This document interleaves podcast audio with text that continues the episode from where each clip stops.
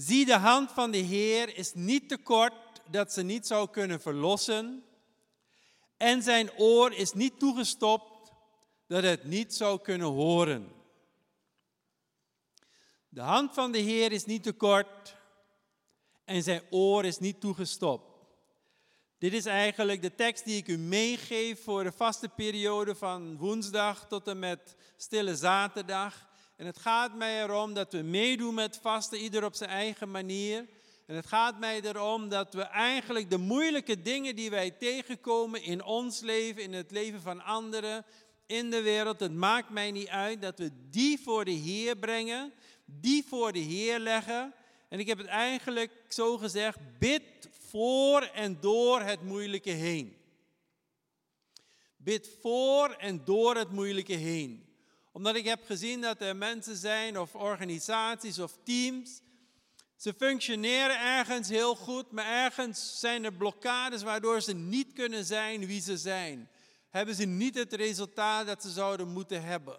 En missen ze eigenlijk iets. En soms weten ze niet eens dat ze iets missen, ze voelen iets, maar ze weten ook niet wat ze missen. Zo, het gaat mij om dat moeilijke waar je eigenlijk doorheen moet willen komen. En dat gaat niet alleen.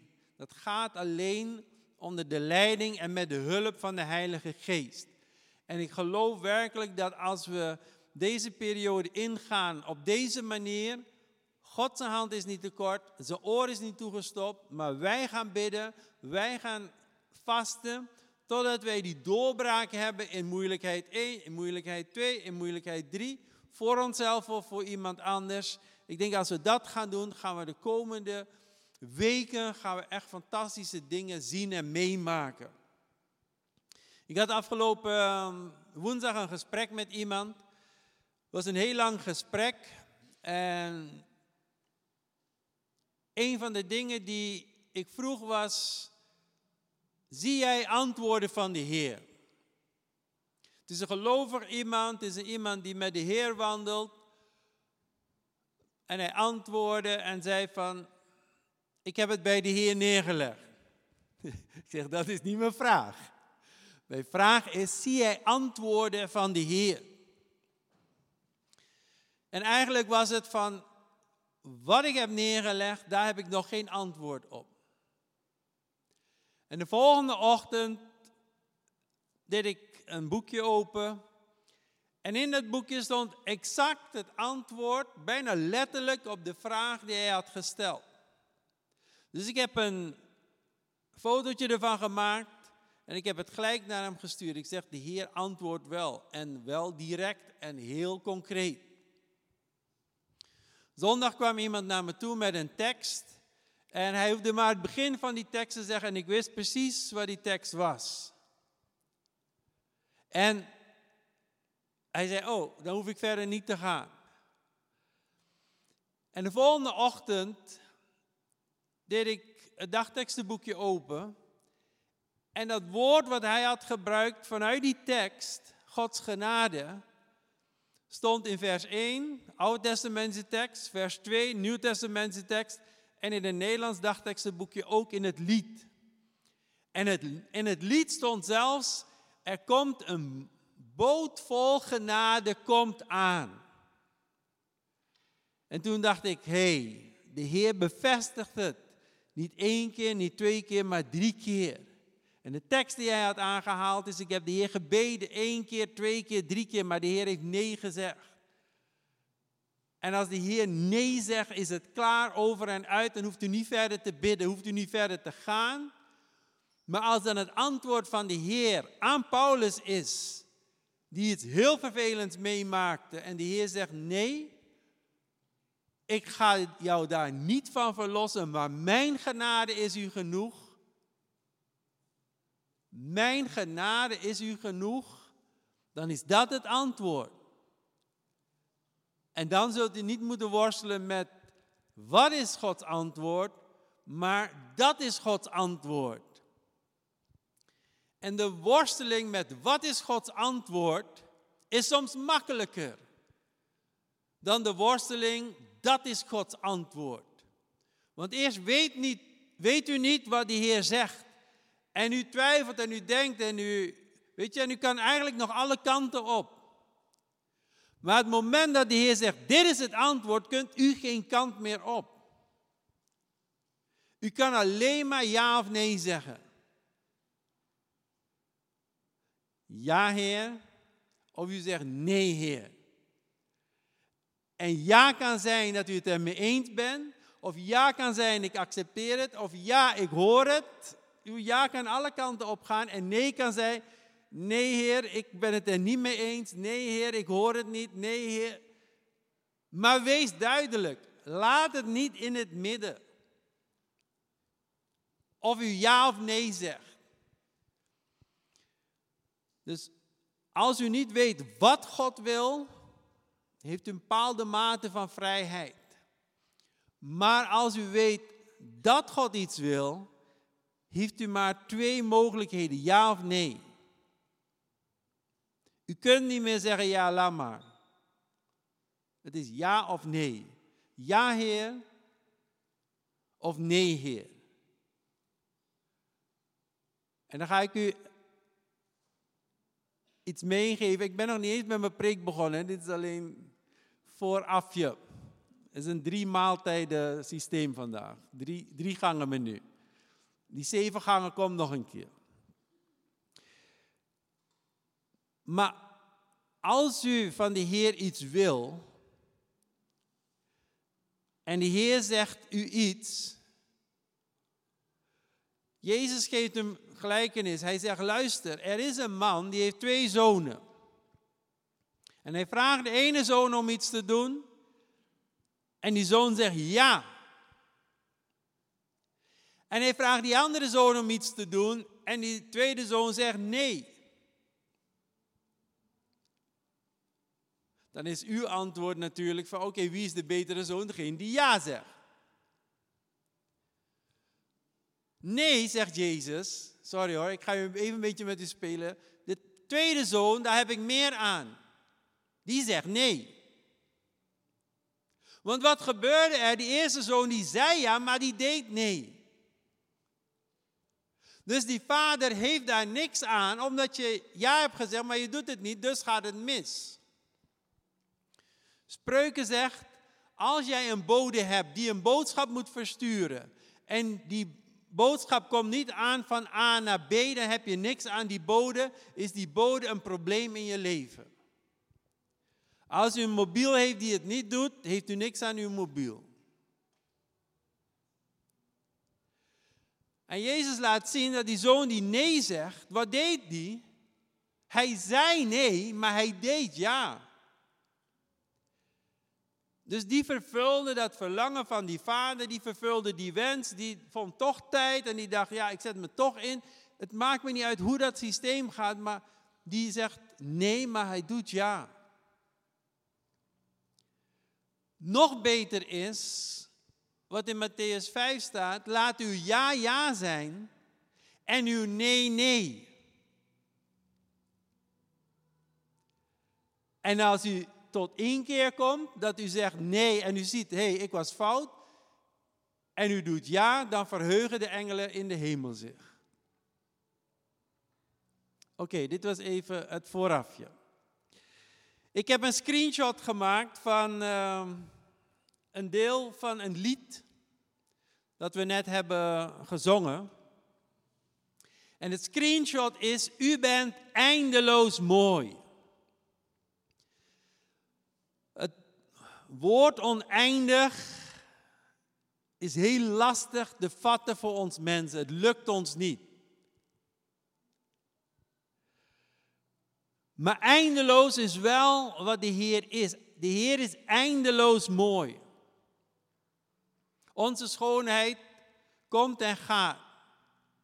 Maar de schoonheid van de Heer is eindeloos.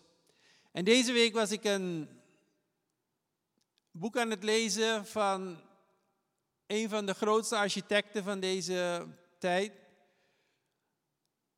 Renzo, niet Rens, maar Renzo. En dat is geen alternatieve naam voor mijzelf, nee. Renzo Piano. Hij is een Italiaanse architect. U moet maar googlen, kijken welke gebouwen hij heeft gemaakt. Oh, oh, oh, oh. Een geweldige architect. En hij munt uit in eigenlijk een gebouw zo maken dat de mensen die erin zijn het als fijn ervaren. Dus ik ben al weken bezig om te achterhalen wat motiveert deze man. Wat is de kern van deze man? En ik kwam eigenlijk op het woordje beautiful. Anderen omschrijven hem als de architect van het licht. Zeg maar de Rembrandt, maar dan met gebouwen. Maar zijn kernwoord is beautiful. En hij zegt het zo. Beautiful people make better societies. En zijn wens is om een mooi gebouw te maken, een beautiful building. En hij zegt, a beautiful building makes better places, makes better people. Changing the world, one building at a time, one person at a time. Zo, ik heb even een kleine samenvatting van architect Piano Renzo gegeven. Maar waar komt het woord mooi vandaan? Want hij is niet puur bezig met mooi, hij is bezig met goed. Hij wil het goede. Hij wil die wereld transformeren naar iets moois, iets goeds. Zijn vader was bouwer, hij werd architect. En wij zijn bezig met het woord goed. Ik ga je zo'n tekst meegeven voor vandaag. Wij zijn bezig met het woord goed. En achter dat woord goed waar we mee bezig zijn is het woord liefde. Ik ben deze maand nog bezig met goed. Maart, april zal ik bezig zijn met liefde. Gedefinieerd niet vanuit onszelf, niet vanuit de omgeving, niet vanuit de mens, maar vanuit God en specifiek vanuit Jezus Christus. Want hoe kan Johannes die wegliep toen Jezus gevangen werd genomen, die het bijna niet kon aanzien dat hij gekruisigd was, die gedemotiveerd was nadat hij gekruisigd was, nadat Jezus gekruisigd was en gestorven en begraven. Hoe kan Johannes, die die nederlaag der nederlagen heeft meegemaakt, namelijk die kruisdood van Jezus, hoe kan hij decennia later een beschrijving geven van Jezus die tot vandaag de dag nog invloedrijk is over de hele wereld. Het evangelie van Johannes. Waarin hij zegt, Jezus is het licht, Jezus is, het waarheid, is de waarheid. Maar dat in Johannes 3, vers 16 zegt, eigenlijk zegt het is goed geweest dat Jezus is gekruisigd. Want hij is verhoogd aan het kruis. Want al zo lief heeft God de wereld gehad, dat hij zijn enige geboren zoon gegeven heeft. Omdat een ieder die in hem gelooft niet verloren gaat, maar eeuwig leven heeft. Hoe kan jij als discipel, als apostel, die switch maken van die totale vernedering van Jezus aan het kruis en dat jij dat achteraf zegt, dat is geen vernedering, dat is een verhoging. Daar gaan we eens goed over nadenken. In maart en april. En het gaat mij er niet om dat wij puur Jezus zien. Het gaat mij erom dat wij dichterbij komen van wat Gods liefde is. En dat die liefde in ons hart geplant wordt. Geplant is en daar groeit. Want als u de liefde, de agape-liefde van God in uw hart heeft, dan groeit er iets goeds in uw hart. En als er iets goeds in uw hart groeit, dan komt dat goede en dat mooie en dat prachtige naar buiten. Maar de tekst die ik vandaag met u wil delen is genomen uit Exodus 31. En het gaat om het volgende. Mozes is geroepen en eindelijk gaat in vervulling wat de Heer heeft beloofd aan Abraham, Isaac en Jacob. Eindelijk komt tot stand wat de Heer heeft gezegd aan Mozes. Mozes, jij zal weten dat ik de Heer ben die je hebt geroepen. Als jij mijn volk uit Egypte geleid hebt. Sommige mensen denken dat was het, vrij van de slavernij. Dat is een voorwaarde. Dat is het begin. Die vrijmaking, die bekering is het begin. Maar hij zegt tegen Mozes, jij zal weten dat ik de Heer ben, dat ik je geroepen heb, als jij mij aanbidt. In die vrijheid. En dan Exodus 31 zitten op het snijpunt dat God heeft laten zien hoe hij wil dat de aanbiddingsdienst gaat. En dat het dan tot stand moet komen. En wat God niet doet daar, is hij dropt niet als een parachute de tabernakel uit de hemel. Net zo goed als God ook aan David niet ineens de tempel gaf van Salomo of aan Salomo uit de hemel. Boom. Of de tempel van Herodes waar Jezus aanbad.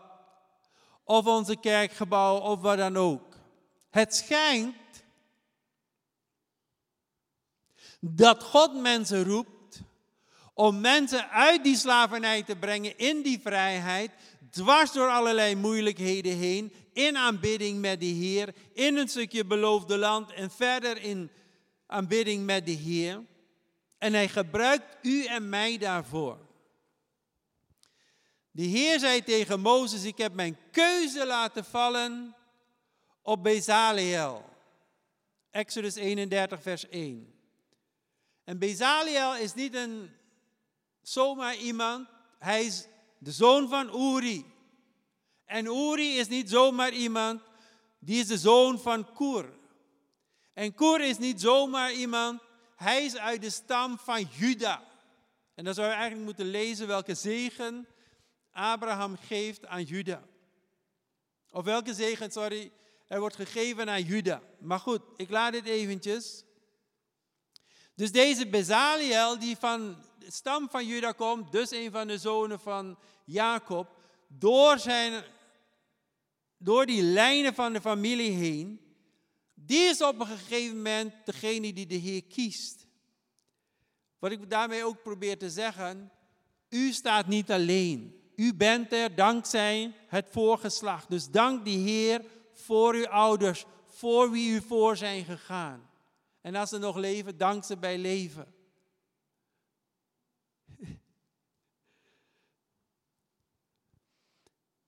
Uit de stam van Juda.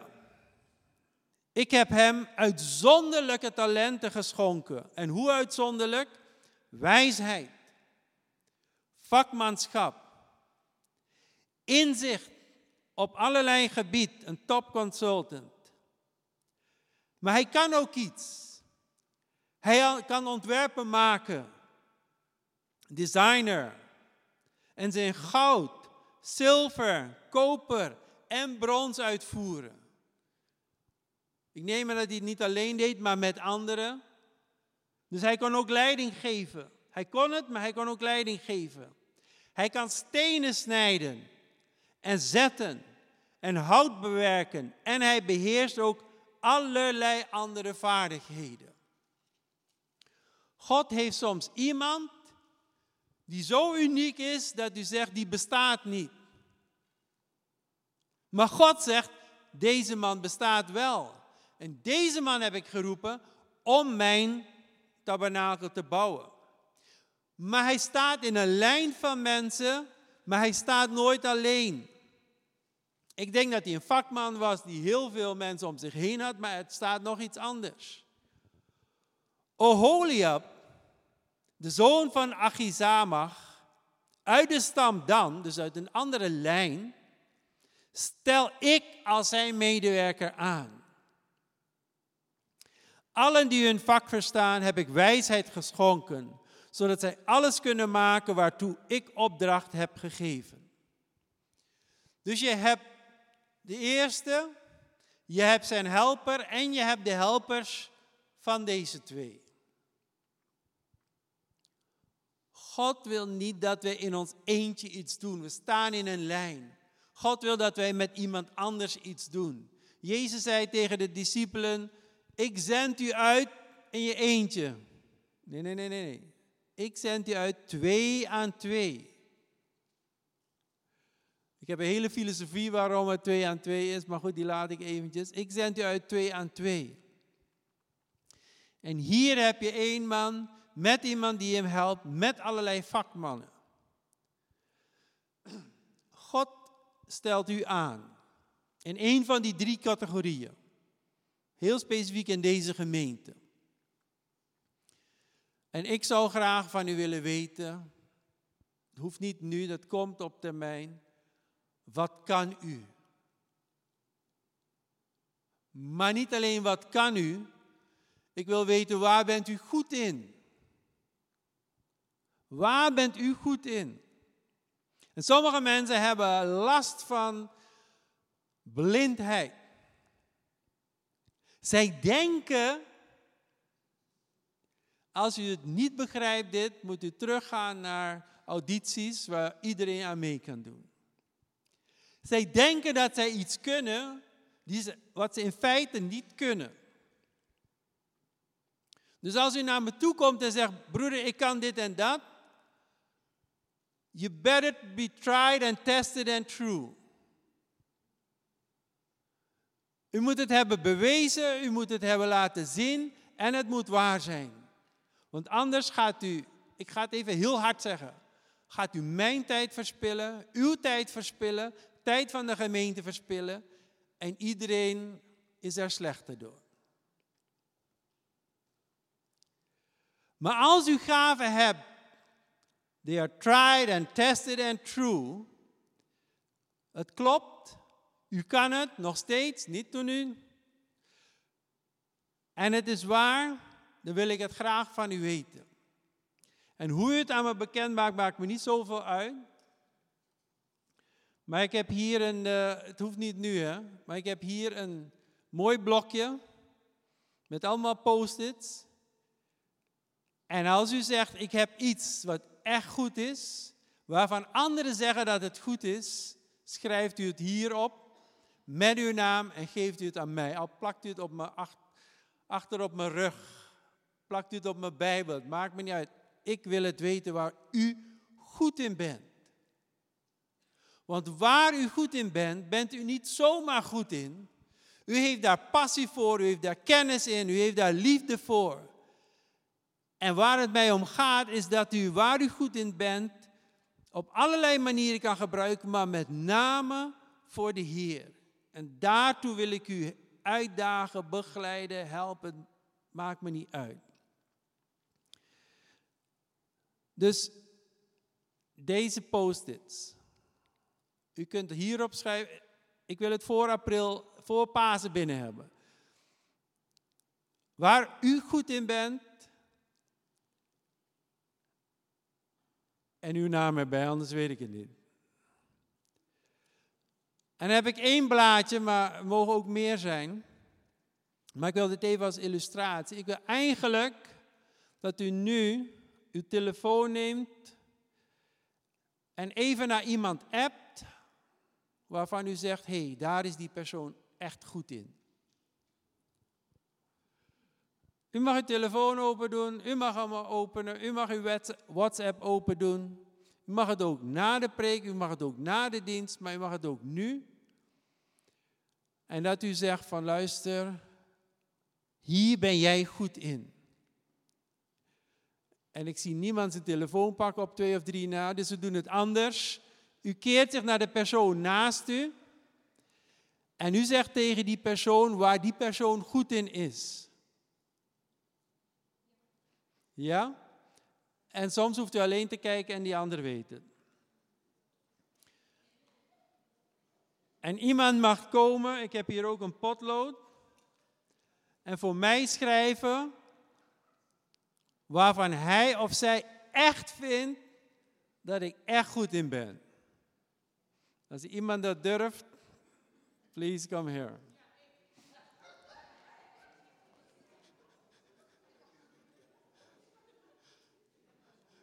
Klaas, kan je dit even aan Ilona geven? Kunt u zich even keren naar de persoon naast u, zeggen waar die persoon goed in is?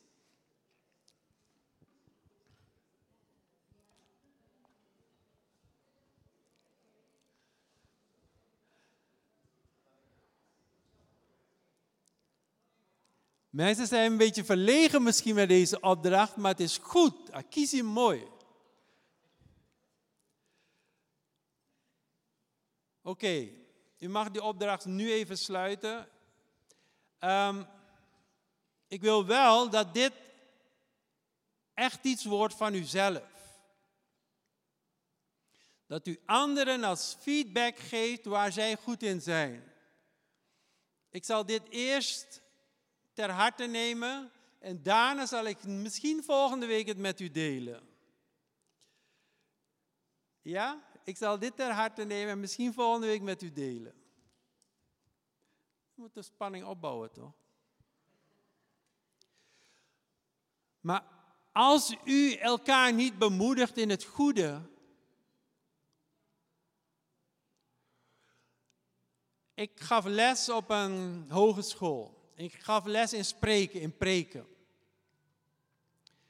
En ik sprak met een van die docenten die, die daar was, was internationale theologische opleiding. En een van die docenten zei van luister, mijn dochter is verhuisd uit Nederland. Want ze kon er niet meer tegen, want er heerst hier een sfeer van kritiek negatief zijn. Zo ervoer die dochter dat. En zegt, ik kan niet meer tegen dat negatieve. Ik verhuis naar Amerika, daar is een andere mindset. Oh, how nice, how wonderful, how great. Misschien niet uw mindset. Maar wij hebben nodig een cultuur van realisme. De kerk is geen plek dat u zomaar complimentjes krijgt zonder dat u het waard bent. De, plek is wel, de kerk is wel een plek waar u opgebouwd wordt, al zit u onder in de put, om welke reden dan ook, dat de Heer u optilt. Het is ook een plek waar u eerlijke feedback dient te krijgen. Waar u van hart tot hart moet kunnen praten met een broeder, met een zuster. Waar u van uw hart geen moordkuil maakt, omdat u het in gebed brengt voor de Heer. En de Heer reinigt uw hart en helpt u om op een juiste manier in het leven te staan naar anderen toe. Maar het is ook de plek waar u bemoedigd dient te worden en waar u goed in bent. Aangemoedigd dient te worden. Weet u wat een van mijn grootste vreugden is? En ik realiseerde me dat niet totdat een professionele pianist, die tien jaar lang had getoerd door Europa, hij kwam tot bekering, was in de gemeente bij ons. En hij zegt, weet je wat jij goed kan, Rens? Jij kan iemand bemoedigen. Jij kan potentie zien in iemand en die persoon helpen om dat zelf te zien en daaraan te werken en het komt eruit. Gewoon even heel concreet maken. Ik kreeg een keer een, een podcast toegestuurd van iemand. En dat was een Afrikaanse broeder die je had leren kennen als schoonmaker in een groot internationaal bedrijf.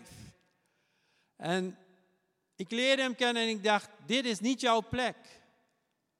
Jij kan veel meer, jij bent veel meer. Er is iets aan je waardoor je hier bent, maar er is veel meer. Toen leerde ik hem goed kennen. Toen bleek dat hij zes talen kende. Toen bleek dat hij leerkracht was geweest. Toen bleek dat hij, onder, wat hij onderdirecteur was geweest op een school. Hij was als christen onderdirecteur geweest op een islamitische school in een islamitische buurt waar hij vandaan kwam in Afrika. En dat wil wat zeggen. En hij was hier naartoe gekomen en ik zei tegen hem, there's so much more in you. En hij ging met me samenwerken En ik kreeg toestemming van de directie. En ik zeg, wat wil jij, wat zie jij? Hij zegt, ik zie dit, dat, ze zo. Hij begon podcast, podcast te maken en op een gegeven moment stuurde hij eentje. En hij zei, in deze aflevering wil ik twee mensen bedanken die mij hebben geholpen. En de tweede die hij noemde was Pastor Rens. En hij zei zo mooi, en daar combineerde de Heer twee dingen. He gave me his most precious books. Was in een fase dat iemand had gezegd, je hebt zoveel boeken, geef ze weg. En ik heb geleerd, als je iets weggeeft, geef iets weg wat jij kostbaar vindt. Geef geen rommel weg. Dus ik leerde hem kennen en ik dacht, wat zijn de moeilijkste boeken om weg te geven? En dat waren de boeken van T.D. Jakes. En als u niet weet wie T.D. Jakes is, dankzij hij hij je bent heel goed in worship, je bent heel goed in mensen connecten. Jij hebt mij geconnect met T.D. Jakes zonder dat je het wist. Toen je in Capelle aan de IJssel naar zijn preken worship, alles. Sindsdien is T.D. Jakes in mijn systeem. En T.D. Jakes is de Black Billy Graham. Dat is een fenomeen. Als je het hebt over iemand die lijkt op de persoon uit Exodus 31, kijk naar T.D. Jakes. Die man kan werkelijk tussen haakjes alles. Dus ik gaf de boeken die ik had verzameld in de loop der jaren, die gaf ik aan hem. En het raakte hem zo, hij waardeerde het zo, dat het hem stimuleerde om te worden wie hij is. En het had me niet uitgemaakt of hij me had bedankt of niet. Jezus leert ons, ga er niet vanuit dat iemand je bedankt. Want Jezus had tien mensen genezen en negen van de tien, waren Joden. En die hadden Jezus nooit bedankt voor de genezing. En één was een niet-Jood en die kwam naar Jezus en zei, dank u wel. En Jezus zei, waar zijn die anderen die ik heb genezen? En dan had hij het niet alleen over die negen, maar had hij het over die 99, die 999, die 9999. Waar zijn al die mensen die ik heb genezen? Hebben die mij bedankt? In mijn pastoraat, en dat is nu bijna 25 jaar en werken voor de Heer meer dan 40 jaar, heb ik maar twee keer meegemaakt dat iemand was genezen en zei, broeder kom, hou een dienst. Want ik wil de Heer bedanken. En de Heer heeft tientallen, honderden genezen. Het zijn maar twee. En één daarvan wil ik u niet onthouden, want dat was echt, echt, echt bijzonder. Was een kleine baby. Ik werd geroepen om naar het ziekenhuis te gaan in Amsterdam. Want hij had het omgekeerde van diabetes. Zijn lichaam produceerde veel te veel insuline. Dus zo klein als dat hij was, ik was bij afdeling neonatologie. Nou, neonatologie is een baby die net geboren is. Daar wordt voor gezorgd. En bij neonatologie werd ik geroepen en ik ging handen opleggen op dat, op dat jongetje. Want er waren twee ziekenhuizen in heel Europa die hem konden behandelen. En dan ging het om chirurgisch behandelen, namelijk openmaken en negen tiende van zijn alvleesklier verwijderen. Zodat er nog maar één tiende overbleef. En ik weet nog dat ik daar was. Matsimela heet dat kleine jongetje, is nu een uh, grote vent. En ik deed zalfolie op mijn vingers. En ik wist dat in Suriname heel veel mensen aan het bidden waren. En ik ging voor hem bidden en ik zeg, Heer, genees hem. En die ouders konden twee ziekenhuizen kiezen vanuit Amsterdam, of naar Londen of naar Parijs. Ze kozen voor Parijs en ze gingen naar Parijs. En toen ze daar waren, toen zei die chirurg, we gaan nog één keer meten hoe al die waarden zijn en daarna gaan we opereren.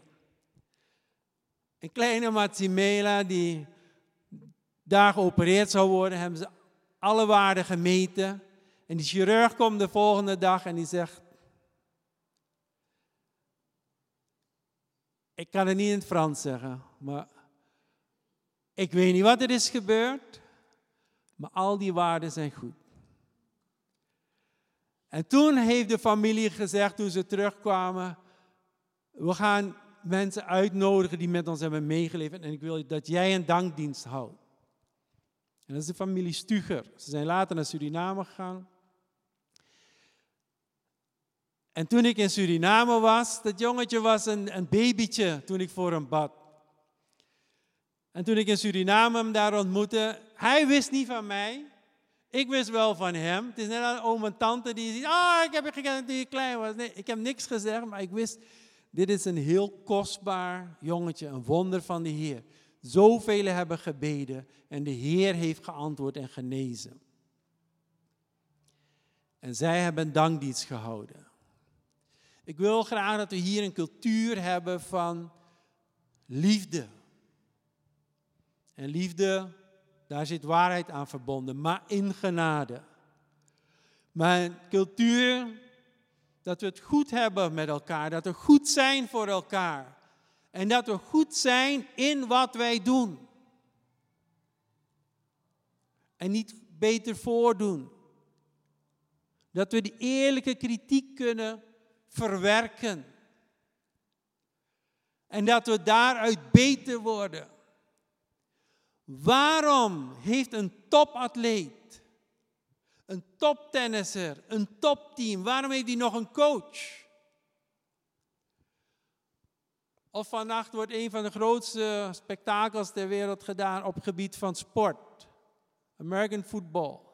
Ze hebben allerlei specifieke coaches voor allerlei verschillende teams. Terwijl die jongens vanaf kleins af aan al doen wat ze doen. Waarom hebben ze een coach? Om hun te laten zien wat ze niet goed doen. Zelfs tijdens de wedstrijd. Ik kan het niet doen tijdens de preken. Tijdens de wedstrijd krijgt de spelverdeler inzicht. Dit heb je niet goed gedaan. Dat, zo kan je het beter doen. Het zou wel bij een preek interessant zijn. Broer, je moet... Feedback. Om u beter te maken. Om de beste versie van uzelf te maken. Vanuit de Heer.